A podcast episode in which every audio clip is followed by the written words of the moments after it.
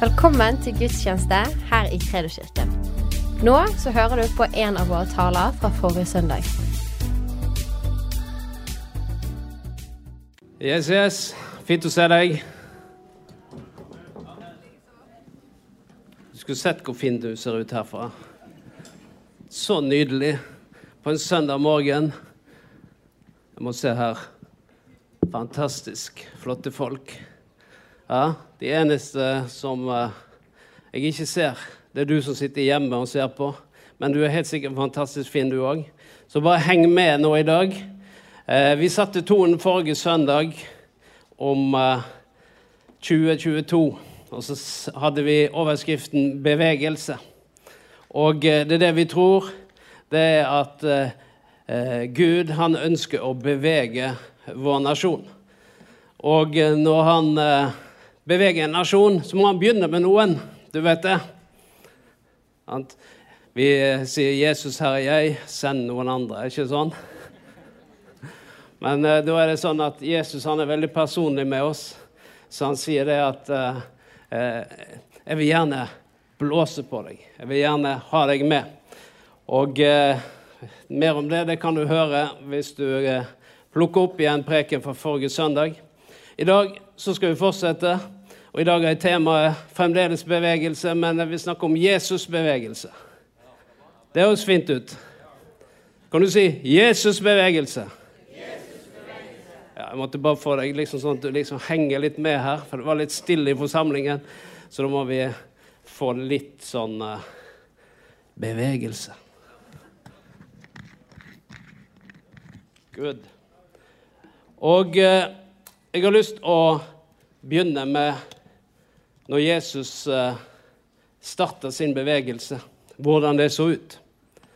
Og uh, så Først så vil jeg lese fra uh, Lukas 4, hvor Jesus han kommer til hjembyen sin Nasaret, hvor han vokste opp. Og På sabbaten så gikk han inn i synagogen som han pleide, står det i Lukas 4, 16. Og da han reiste seg for å lese Skriften, rakte de han profeten Jesajas bok. Han åpnet bokrullen og fant det stedet hvor det stod skrevet. Og her proklamerer Jesus hva han eh, skal holde på med de neste årene. Og så sier han, 'Herrens ånd er over meg, for han har salvet meg til å forkynne gledens budskap for de fattige.'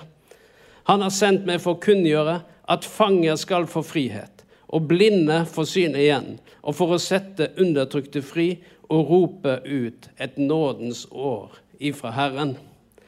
Så det Jesus sier her, det her er den bevegelsen som jeg vil skape. Det at rundt meg så settes fanger fri. Synden blir tilgitt. Eh, de, de blinde ser, de lamme går. Det kommer til å skje ting rundt meg. Og dette her proklamerer han ut der i Nasaret.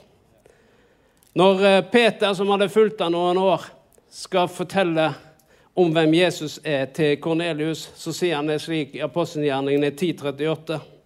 Jesus fra Nasaret ble salvet av Gud med Hellig ånd og kraft.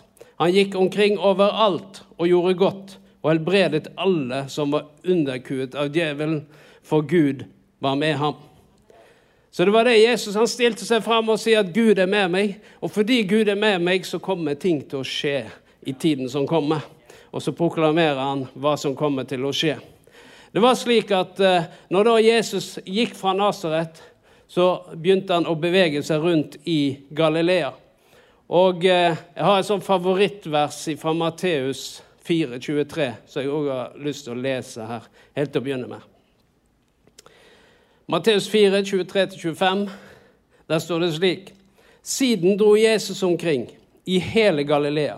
Han lærte folket i synagogene deres, forkynte evangeliet om riket og helbredet alle sykdommer og plager hos folket. Og ryktet om ham spredte seg over hele Syria. Og de kom til ham med alle som hadde det vondt og led av noen sykdom eller plage, både besatte, månesyke og lamme, og han helbredet dem. Store folkemengder fulgte ham fra Galilea til Dekapolis, fra Jerusalem og Judea og fra området øst for Jordan. Vi kan vel si at dette er en Jesusbevegelse, kan ikke vi det? Når vi hører hva som begynner å skje rundt Jesus. Fordi hva var det som begynte å skje? Jo, ryktet om ham spredte seg. Og det er det som er Når ting begynner å skje rundt Jesus, så går ryktet om han ut. Så står det at det spredte seg. Og når ryktet spredte seg, hva skjedde da? Da kom de til ham. De kom til ham med de som hadde behov, de som var i nød, de som trengte hjelm, de som trengte å, at åk skulle brytes. Så kom de til ham. Og til slutt så står det og store folkemengder fulgte ham. Og det er det som skjer. Når Jesus får komme i bevegelse, så skapes det en bevegelse rundt ham. Så begynner folk å komme til ham. Og så står det at og store folkemengder følger ham. Det er slik at uh, det er en stund siden vi har sett det her til lands, at store folkemengder følger Jesus. Men det skjer rundt omkring andre steder i verden. Men det har skjedd før. Og uh, på slutten av 60-tallet, begynnelsen på 70-tallet, så var det en eh, bevegelse som startet i California. 65 år før, kanskje 70 år før, så var det òg en annen bevegelse som startet i California, som heter pinsebevegelsen. Det var når uh, Den hellige ånd ble utgitt på Azusa Street i, i 1906. Eh, og det spredte seg rundt i hele verden.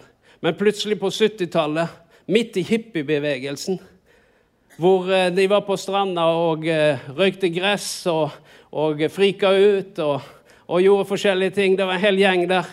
Men midt der så starta det en Jesusbevegelse. Og i hopetall så kom den unge generasjonen ut av hippiebevegelsen. De kledde seg fremdeles som hippier. De var litt frika, men de hadde én ting. Det var Jesus har satt meg fri. Jesus har gitt meg håp. Jesus har gitt meg tro. Og det skjedde en Jesusbevegelse der i California.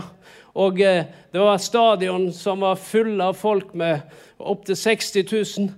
Det var ikke noe sånn organisert. Det bare skjedde plutselig. Så skjedde en bevegelse. De hadde litt spesiell stil på bilene sine. Eh, du så at de var kommet ut fra hippiebevegelsen.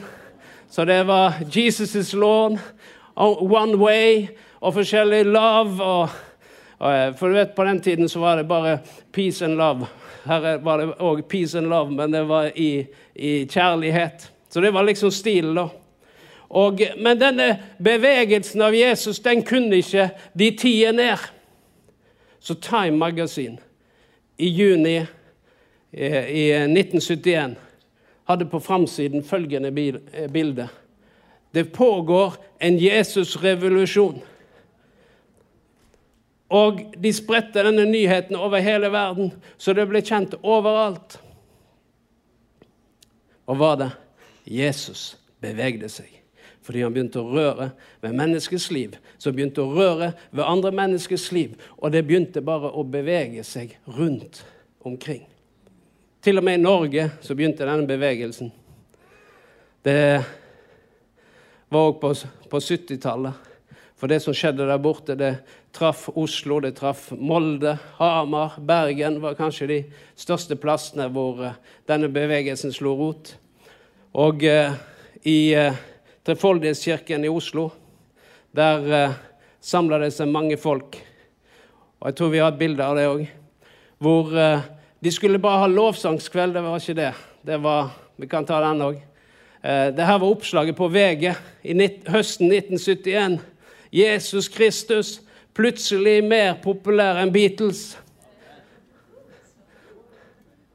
Det kaller jeg en Jesusbevegelse. Og eh, det var det at det fikk folks oppmerksomhet. De skulle bare ha en lovsangskveld midt i uka i Trefoldighetskirken i Oslo. Så det kom noen der for å lovsynge Herren. Men plutselig var kirken full. full. Og det var sprengt overalt. Vi har et bilde av det òg.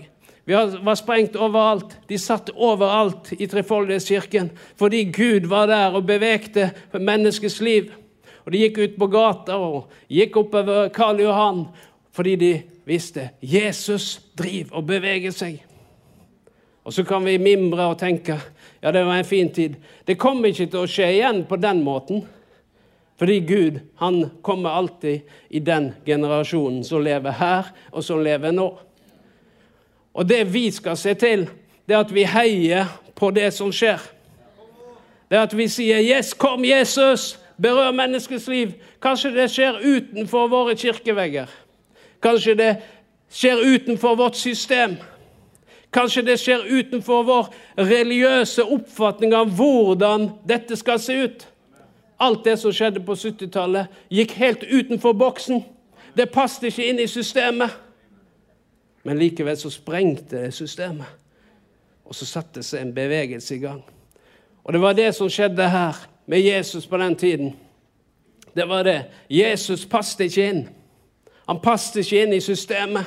Han passet ikke inn i, i oppfatning av hvem han var, og hvordan han skulle bevege seg.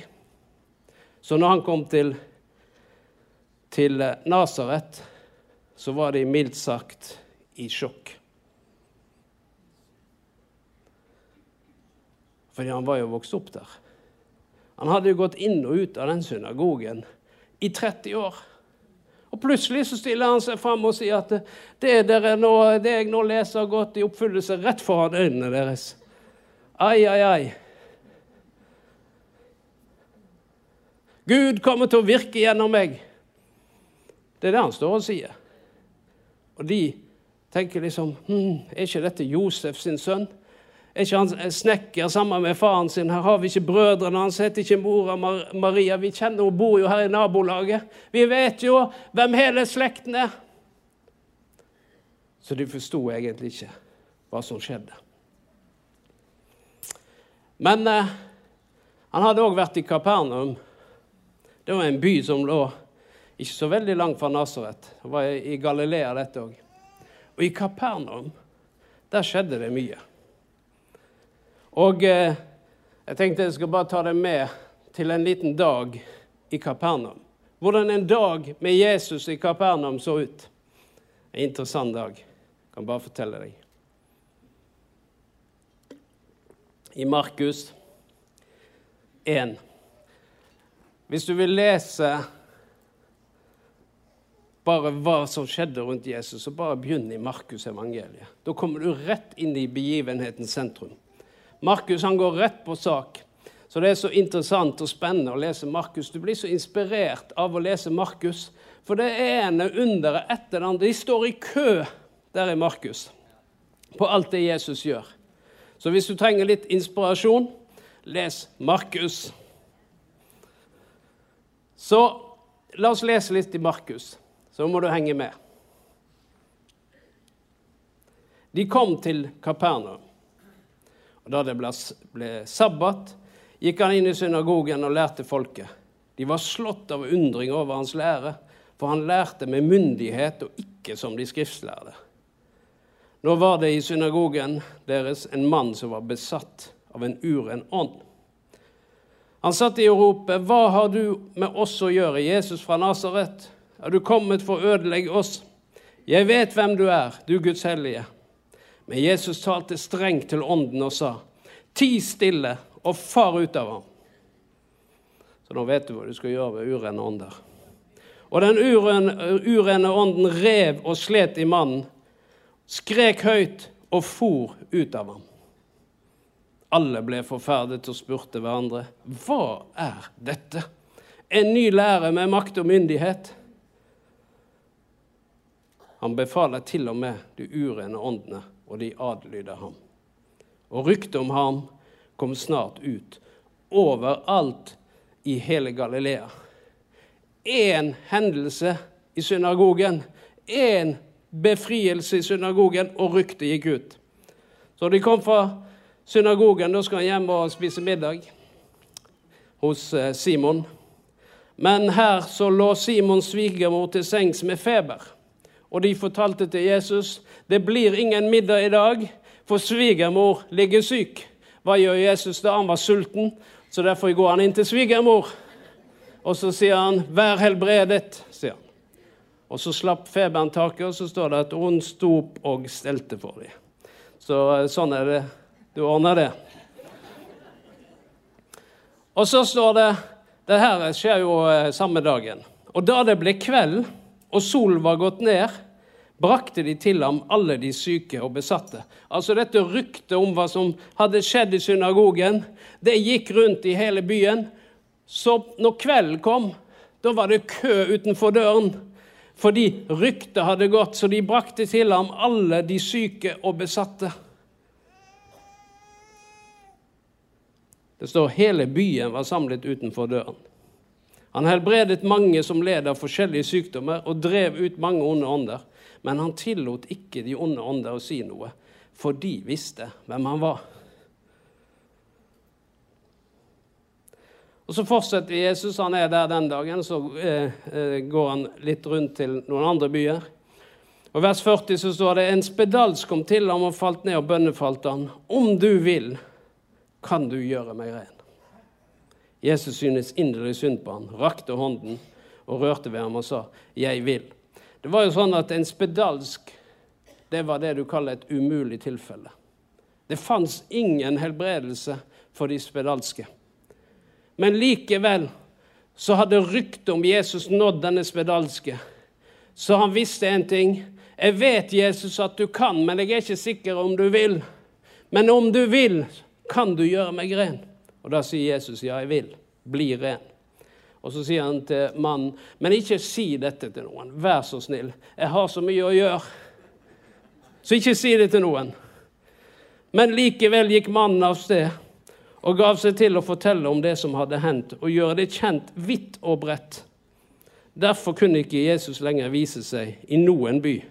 Han holdt, til, holdt til utenfor byene, på ensomme steder. Men folk kom til ham fra alle kanter. Det kaller jeg en Jesusbevegelse. Fordi det begynte å skje ting rundt omkring Jesus. Og Så kom han tilbake til Kapernaum, det står i neste kapittel. Og eh, så står det når det ble kjent at han var hjemme, så ble huset fullt igjen. De bare trengte seg på. Og Der var det fire kamerater som hadde med sin venn som var lam, og de bærte han. De kom seg inn i huset. Så de tenkte at vi må jo få Jesus sin oppmerksomhet på en eller annen måte.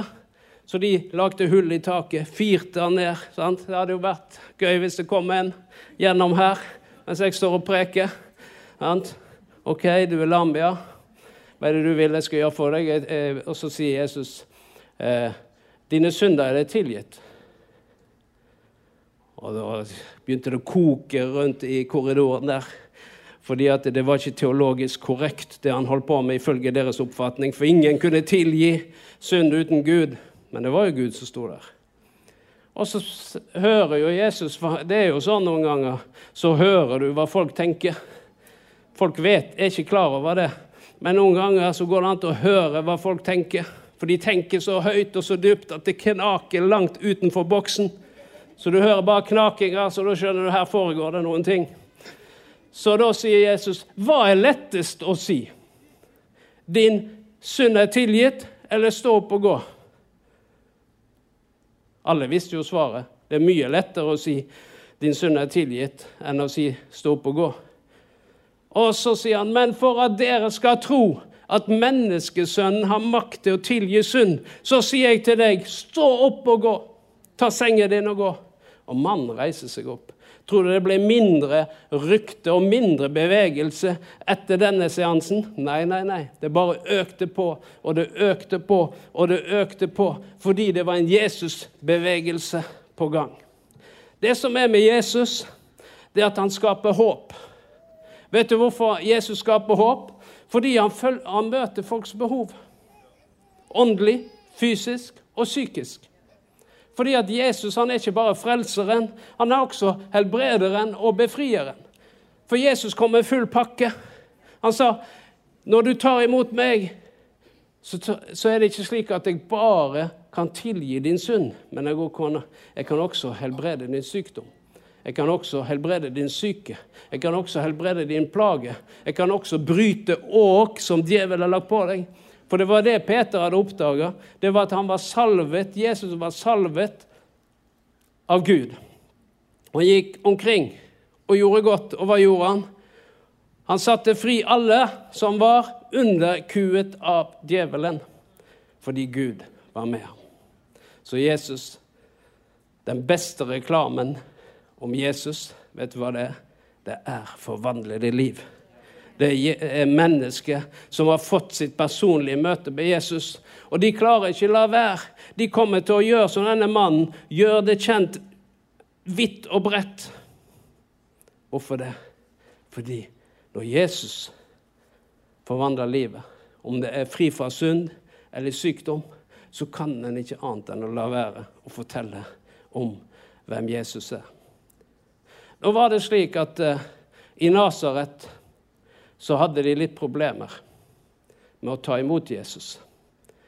For de forsto ikke at det var Guds sønn som sto i, som sto i uh, synagogen den dagen. De så bare Josef sin sønn. De så bare tømmermannen sin sønn. Og uh, det som er interessant, det var at uh, i begge disse plasser så gikk Jesus inn i synagogen. Så derfor har jeg lyst til å sammenligne litt Kapernaum og Nasaret med deg. Disse to forskjellige byene som ikke lå så langt fra hverandre. Disse to byene det kan representere to forskjellige menigheter. Det kan representere to forskjellige hjem. Det var i hvert fall veldig forskjellig kultur og mentalitet i disse to byene. I Kapernaum der tok de imot Jesus, mens i Nasaret der sto de han faktisk imot. I Kapernaum der så de Guds sønn. Men i Nasaret så så de bare Josef sin sønn. I Kapernaum der så de det overnaturlige. Men i Nasaret så, så de kun det naturlige. I Kapernaum feiret de det Jesus sa og gjorde. Men i Nasaret kritiserte de det Jesus sa og gjorde. I Kapernaum hadde de en stor og økende forventning. Mens i Nasaret hadde de ingen forventning i det hele tatt. I Kapernaum så kom det folk fra hele området til Jesus. Men i Nasaret så jager de Jesus ut av byen. Hvordan er det mulig å ha så to forskjellige oppfatninger om hvem Jesus er? Hvordan er det mulig å ha en så forskjellig kultur i hjemmet sitt, i menigheten sin, i byen sin? Det er mulig, for det står her.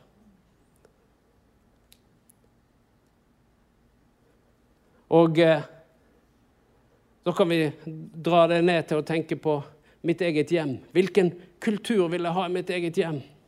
Hvilken forventning vil jeg ha i mitt eget hjem? For det var ingen tvil om at det var en forventning i Kapernaum som gjorde at det begynte å skje ting rundt Jesus. Det er slik at uh, når tro og forventning er til stede, så skjer det mer og mer. Det betyr ikke at det ikke kan skje noe uten, men det skjer mer med. Så derfor vil jeg heller ha en plass hvor det er tro og forventning. For det som gjenkjente Kapernaum, det var at det, det var håp og tro i byen. Det var forventning og hunger i byen. Det var en lengsel etter Gud i byen. Og så skapte det etterfølgelse av Jesus. For det er det som skjer i et miljø som dette, det er at det, det kommer disipler ut av det. Men når Matteus beskriver Jesus sitt møte med Nasaret, så sier han det slik.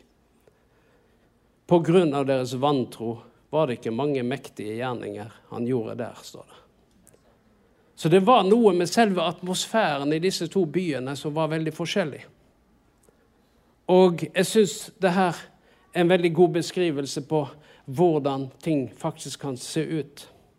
Men da vet jeg at du tenker som meg. Hvis jeg skal bosette meg noen plass, så blir det ikke i Nasaret. Det er jo helt klart. Fordi det som er, det er at vi blir påvirka av det miljøet vi har rundt oss. Men hvis vi er flere, så kan vi påvirke miljøet rundt oss. Og det var det som skjedde med Jesusbevegelsen. Det var at det, ble så massivt at det påvirker overalt der denne bevegelsen går fram. Og slik er det med vekkelse. Det bare brer om seg, og så begynner det å påvirke og skape en Jesusbevegelse rundt seg. Jesus han gjorde seg selv synlig gjennom det han sa, og gjennom det han gjorde. Og nå så har han gitt dette oppdraget videre til oss. Han gjorde seg selv til eksempel, slik at vi kan følge. Det er jo sånn at hele ideen og tanken med disipler, vet du hva det er? Det er at de skal lære av sin mester. Men det stopper ikke der, og så skal de gå ut og gjøre det samme. Det er det som er hele ideen med disippelskap. Det er ikke bare at vi skal følge Jesus sånn så fint å se Jesus. Men det er faktisk sånn at uh, hvis det, noen er lærlinger hos en mester, så er det ikke fordi de skal være lærlinger resten av livet. Men det er fordi de skal lære av mesteren.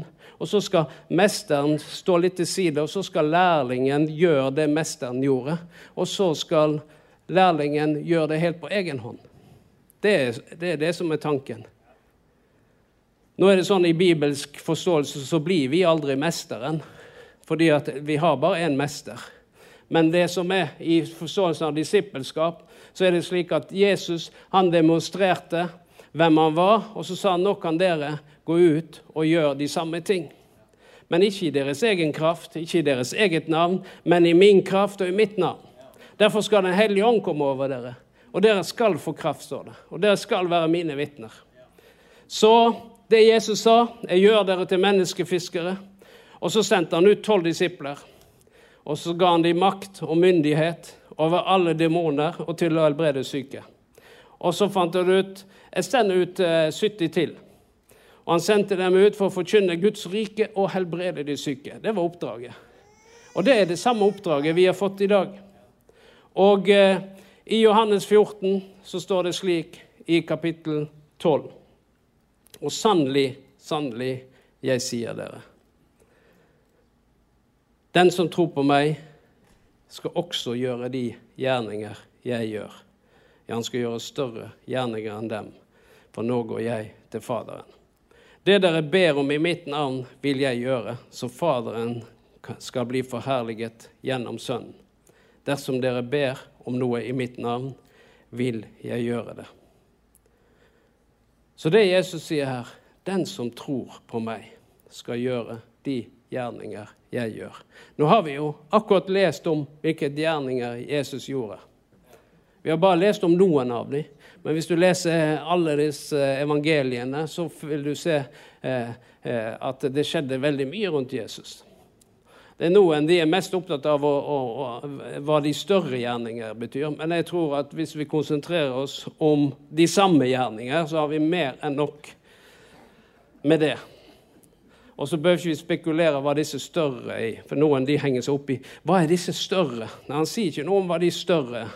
Men jeg tror at vi kan i hvert fall si at eh, OK, vi kan tenke at hvis Jesus sa at vi skulle gjøre de samme gjerninger, så betyr det at det er noe han oppmuntrer oss til. Det er ikke noe han setter begrensning på. Han sier du må gjøre det og det, men ikke det. Du får lov å eh, be for vonde rygger.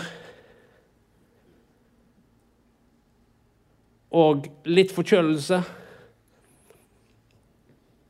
Men ikke prøv det på noen lamme, og i hvert fall ikke blinde.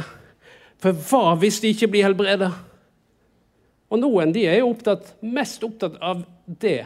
Men det, er sånn, det virker ikke som Jesus var så opptatt av det. Han var opptatt av å møte menneskets behov.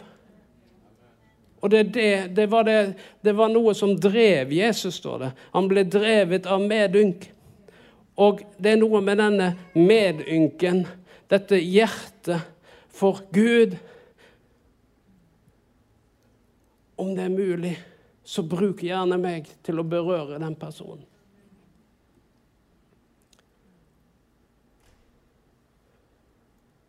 Og jeg tror det at Gud Et folk som er bevega, det er også berørt. Det er berørt av Gud personlig. Og da er det slik at eh, Jesus han så nøden. Han så folket. Han så hva som skjedde rundt omkring. Og denne berøringen i hans hjerte, det drev han til å si bli ren. Jeg vil bli ren. Og denne medynken, den har vi alle sammen fått. Det står at uh, han har utgjort sin kjærlighet i våre hjerter, står det i Romerbrevet 5. Noen ganger så lar vi kjærlighet bli en følelse.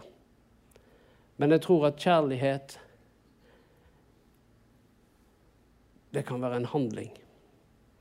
Fordi noen ganger så er det denne kombinasjonen av å være beveget og det å røre på seg og bevege seg.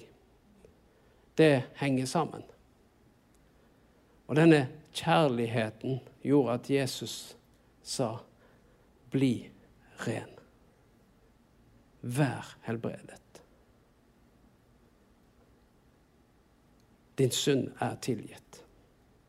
Det var noe som drev Jesus. Og så sier han, den som tror på meg, skal også gjøre de gjerninger jeg gjør. Og Her inne så har vi en god del som tror på Jesus. Jeg ser på flere av de som tror på Jesus her. Og det står her hvis du tror på Jesus, så kan du gjøre de samme gjerninger som jeg gjør. Dersom dere ber meg om noe i mitt navn, så vil jeg gjøre det. Så det er ikke slik at Gud ikke vil. Han sier bare 'be meg om det'. Be meg om det. Ja, men jeg har noen erfaringer. Ja, men få nye erfaringer. Fordi at Gud vil. Det han trenger, det er noen hender, det er noen føtter, det er noen munner, det er noen hjerter som vil bevege seg. Fordi at han vil bevegelse. Og eh, den beste reklamen for Jesus, det er forvandlede liv. Når Jesus treffer mennesket, så er det bare sånn Det kan ikke ignoreres. Og det vil skape etterfølgelse, for det er det vi ser at de fulgte han i store skarer, står det. Så vi har fått tillatelse fra himmelen. Vi har fått tillatelse fra Jesus selv til å be i hans navn. Det skjer ikke i min kraft, ikke etter min vilje, heller ikke etter min evne. Og Derfor så kan vi befinne oss der i Nasaret og tenke bare i det naturlige. Tenke bare i det menneskelige. For det var det de gjorde. De så ikke sønn til Guds sønn. De så bare Josefs sønn. Og Noen ganger så kan det være sånn med våre liv òg, at vi ser bare oss selv. Vi ser bare våre egne begrensninger. Vi ser bare vår egen evne, hva vi kan få til. Men da sier Jesus til oss at selv om du er her på jorden, så kan du ta utgangspunkt i meg. Fordi det er ingenting som er umulig for Gud. Og når Jesus sender ut disiplene, så sier han at disse tegn skal følge dem som tror. I mitt navn skal de drive ut onde ånder. De skal tale nye tungemål. Og de skal ta slanger i hendene. Om de drikker dødelig gift, skal det ikke skade dem. De skal legge hendene på de syke, så de blir friske. Historien om Jesus som setter syndere fri og helbreder de syke. det er attraktivt. Det er attraktivt. Jesus er attraktiv. Og når du ser hva som skjedde i Kapernaum, så kan vi slå fast at Jesus er attraktiv. Og det som blir vår oppgave, det er å gjøre han attraktiv. Fordi han sitter nå i himmelen. Men han sitter ikke bare i himmelen, han er også i våre liv, i våre hjerter. Og han har sagt at 'min menighet', så kaller han oss. Han kaller oss 'min menighet'. Og han sier at 'jeg er hodet for kirken, og kirken er kroppen'. Så fremdeles så trenger Jesus kroppen. Kroppen til å bevege seg, kroppen til å legge hendene på de syke, kroppen til å forkynne evangeliet om Guds rike, kroppen til å formidle nåde, tilgivelse og sannhet. Han trenger våre føtter som beveger på seg. Han trenger denne kroppen. Fordi han ønsker å bevege på seg. Men han har en begrensning. Han har ikke sin egen kropp her lenger. Han har en annen kropp. Det er oss. Men på den tiden så kunne han kun være i Nasaret eller i Kapernaum. Nå kan han være overalt, og han er overalt i hele verden. Så når Gud kommer med sin vind og treffer på oss og blåser på oss, så blir det en bevegelse. Det blir ikke bare bevegelse i Kapernaum. Det kommer til å bli en bevegelse overalt. Og jeg tror det er det Herren driver og forbereder. Og da har jeg bestemt meg. Jeg vil være med i denne Jesus-bevegelsen. Jeg vil se at Jesus blir synlig, at Jesus beveger på seg. At Jesus forvandler menneskets liv. At Jesus treffer. Om det skjer utenfor min teologiske boks, om det skjer utenfor de rammene, eller om han oppfører seg annerledes enn det som vi er opplært i. Hva gjør vel det? Bare Jesus blir synlig, bare Jesus får forvandle menneskets liv så må det ikke skje på mine premisser. Det må skje på Guds premisser. Og Gud, han bryr seg ikke om hvordan vi ser ut, eller hva vi kler oss med, eller om vi har en fullkommen livsstil. Nei, overhodet ikke. Han ser hvor det er nød, hvor det er desperasjon. Og der det er håp, der trekkes folket til. Og Derfor så tenker jeg at menigheten er faktisk verdens håp i dag. For hvem skal fortelle hvem Jesus er, om ikke vi gjør det? Om ikke vi gjør han synlig, hvordan skal han da bli synlig? Om ikke han har noen å virke igjennom, hvem skal han da virke igjennom? Så Derfor så har jeg bestemt meg for en ting. At Kredokirken, det skal være som Kapernaum.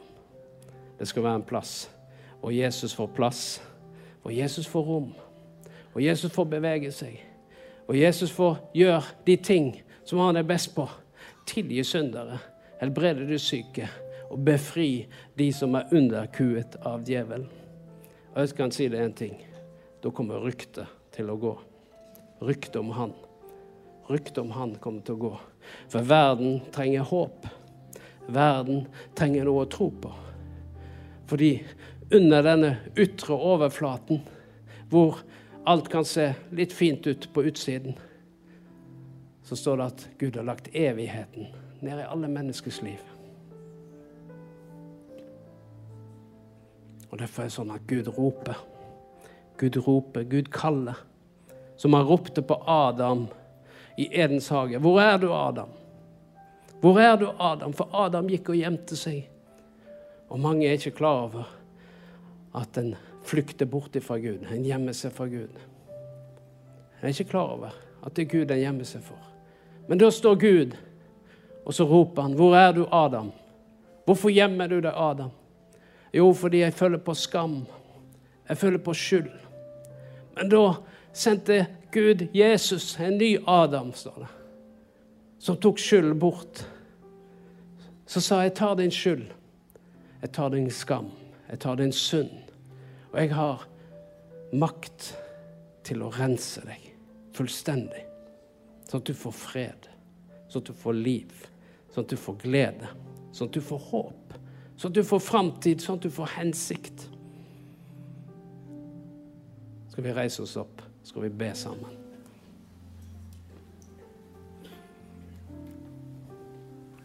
Så kan vi si om oss selv at eh, jeg har denne bevegelsen vil jeg være med i. Jeg vil bosette meg i Kapernaum. Du kan ta denne beslutningen. Du kan si at mitt hjem skal være som Kapernaum. Så når noen kommer til mitt hus, så vil de gjenkjenne at Jesus er i sentrum. At Jesus blir løftet opp. At Jesus han er velkommen. At Jesus får gjøre sine ting i mitt hjem. Så vi takker deg, Herre. For ditt hjerte, det går ut til vår nasjon i dag, Herre. Derfor ber vi for Norge, Herre. Ja, du har beveget deg før i dette landet, Herre. Men vi vet at uh, det er tid for en ny bevegelse av deg, Herre. En tid, tid hvor uh, nøden og behovene og håpet om Kristus igjen får lyse i landet vårt. Fra nord til sør, og øst og vest over hele vår nasjon, Herre. Dette korset i flagget vårt, Herre, det står der og skinner, Herre. Men jeg ber, Herre, om at det korset det skal bety noe mer enn et flagg, Herre. Det skal være selve symbolet på håp, på tro og på kjærlighet, Herre. Jeg ber om det, far. Derfor velsigner vi Norge denne dagen. Vi ber for nasjonen vår. Og vi ber, Herre, ikke glem Norge, Herre. Ikke glem Norge, Herre. Vi ber deg, Herre, ikke glem Norge, ikke gå forbi Norge. Men stopp opp Stopp opp for nasjonen, Herre. Vi ber deg, Herre. Vi ber deg, Herre. Vi ber deg, Herre. Vi ber for byen vår, Bergen, Herre. Å, himmelske Far. Du kjenner hver og en som bor i denne byen. Hver eneste bergenser kjenner du. Du vet hva som foregår i de tusen hjem. Du vet hva som foregår i menneskets dyp. Men vi ber for Bergen. Vi ber, Herre, for alle de som bor i denne byen, Herre. Og vi ber, Herre, la Bergen bli som Kapernaum. Vi ber deg om det, Herre. Hvor du får fritt rom, Herre. Hvor du får bevege deg, Herre. Hvor det blir en Jesusbegeistring og Jesus-bevegelse i byen vår. Vi ber for Kredo-kirken, Herre. Å, Herre, vi ønsker deg velkommen, Jesus, til å virke slik bare du kan virke. Til å bevege deg bare slik som du kan bevege deg. Vi ønsker å ta imot deg, Herre. Vi ønsker å ta imot alt det du er, og alt det du har. Så sier vi, Herre, her er vi. Bruk oss, Herre. Lær oss ikke bare å be, men lær oss til å være dine disipler. Lær oss til å handle på ditt ord og gjøre de samme gjerninger som du gjorde, Herre. Lær oss det, Herre. Lær oss det, Herre. Vi ber deg om det, Far. Vi takker deg, Herre. Velsigne hver enkelt som er her i formiddag. Takk, Herre, for styrke, for nåde, for tro, for støtte og hjelp. Ber for de som ser på akkurat nå. Velsigne de som sitter i stuene rundt omkring. Gud er for deg. Gud er med deg. Han ønsker å styrke deg og hjelpe deg til det som er ditt behov, det som er ditt Det du trenger hjelp til akkurat i dag. Han sier bare 'kom til meg, så skal jeg hjelpe deg'. Det er Jesus som han inviterer deg i dag. Om du ikke kjenner han, så inviterer han deg til å ta imot han. Om du er syk, så sier han 'gi, jeg vil helbrede deg'. Så vi takker deg, Herre, for din godhet og din nåde over oss. Vi takker deg for det. Det er jo sånn I disse koronatider så får ikke vi lov å få lov å legge hendene på folk. Men uh, vi gjør det ikke. Det står at du må gå med munnbind, men vi kan legge hendene på folk. Bare sprite dem først. Men uh, for deg som er hjemme, du, uh, og du som er her, så er det sånn at du kan si at 'jeg er syk'. Og da kan du bare legge hendene her på over brystkassen sånn, og så skal jeg be for deg. Hvis du trenger helbredelse. Så i Jesu Kristi navn så ber jeg for de hver enkelt en som nå har lagt sine hender på seg selv. Og jeg ber, Herre, vi taler til sykdom og plage om å bøye kne. Ber vi om helbredelse og gjenopprettelse. I Jesu Kristi navn. Vi ber òg for omstendigheter, for plager og ting som har pågått en tid. Vi bryter dette åket i Jesu Kristi navn. Så ber vi om frihet. Frihet for de fangne. Frihet fra plage. I Jesu Kristi navn. Så ber vi for den som ikke kjenner deg, Herre.